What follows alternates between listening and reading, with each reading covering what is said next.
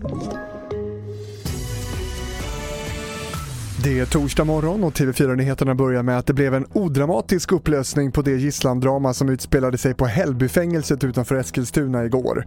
Efter en stor polisinsats, långa förhandlingar och en pizzaleverans släppte de två morddömda fångarna igår kväll de två kriminalvårdare som de hållit gisslan. Båda vårdarna uppges eh, må bra efter omständigheterna. Det är ännu oklart hur internerna kunde ta sig in i vaktrummet och hota vårdarna med ett vasst vapen.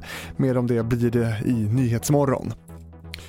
För sjätte dagen i rad demonstrerade igår folkmassor i sydvästra Iran mot den stora vattenbristen och hur regimen hanterar den.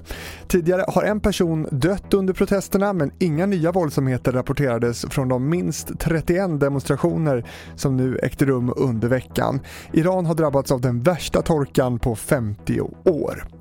Och till sist om att två doser av Pfizer-Biontechs och AstraZenecas covid-vaccin ger bra skydd mot den mycket smittsamma delta-varianten.